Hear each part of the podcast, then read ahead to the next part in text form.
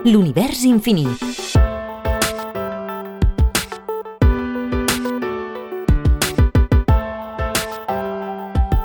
Agrupació Astronòmica de Sabadell. Sally Reid, primera astronauta americana a l'espai.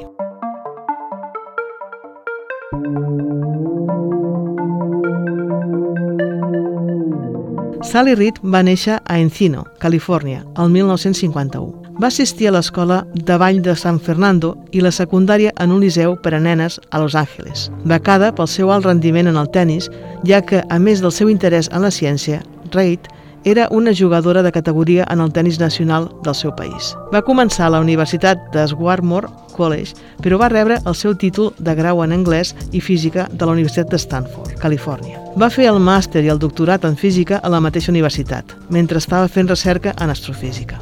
Va ser seleccionada en un programa especial on es van presentar 8.900 candidats, entrant a la NASA en 1978. Durant la seva carrera, Sally va ser comunicadora de cabina, Capcom, per al segon i tercer vols del programa del transbordador espacial STS-2 i STS-3 i va ajudar a desenvolupar el braç robot. El 18 de juny de 1983 es va convertir en la primera dona americana a viatjar a l'espai com a tripulant en el transbordador espacial Challenger, com a part de la missió STS-7 va desplegar dos satèl·lits i van utilitzar el braç robòtic per primera vegada. El seu segon vol espacial va ser el 1984, també a bord del Challenger. En total va acumular més de 343 hores a l'espai.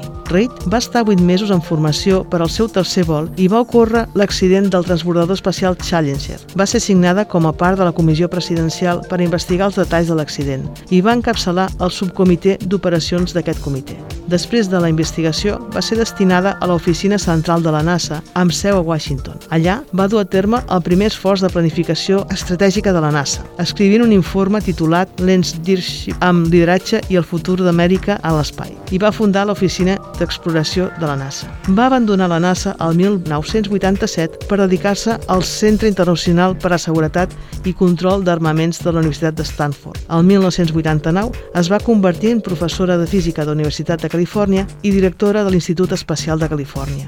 El 2001 va fundar una empresa que crea programes d'entreteniment sobre ciències i publicacions per a escoles i instituts, prestant especial atenció a les nenes. I el 2003 va servir en la investigació de l'accident del transbordador espacial Columbia. Va publicar diversos llibres sobre l'espai dirigits principalment a nens, amb l'objectiu d'incentivar-los a l'estudi de les ciències.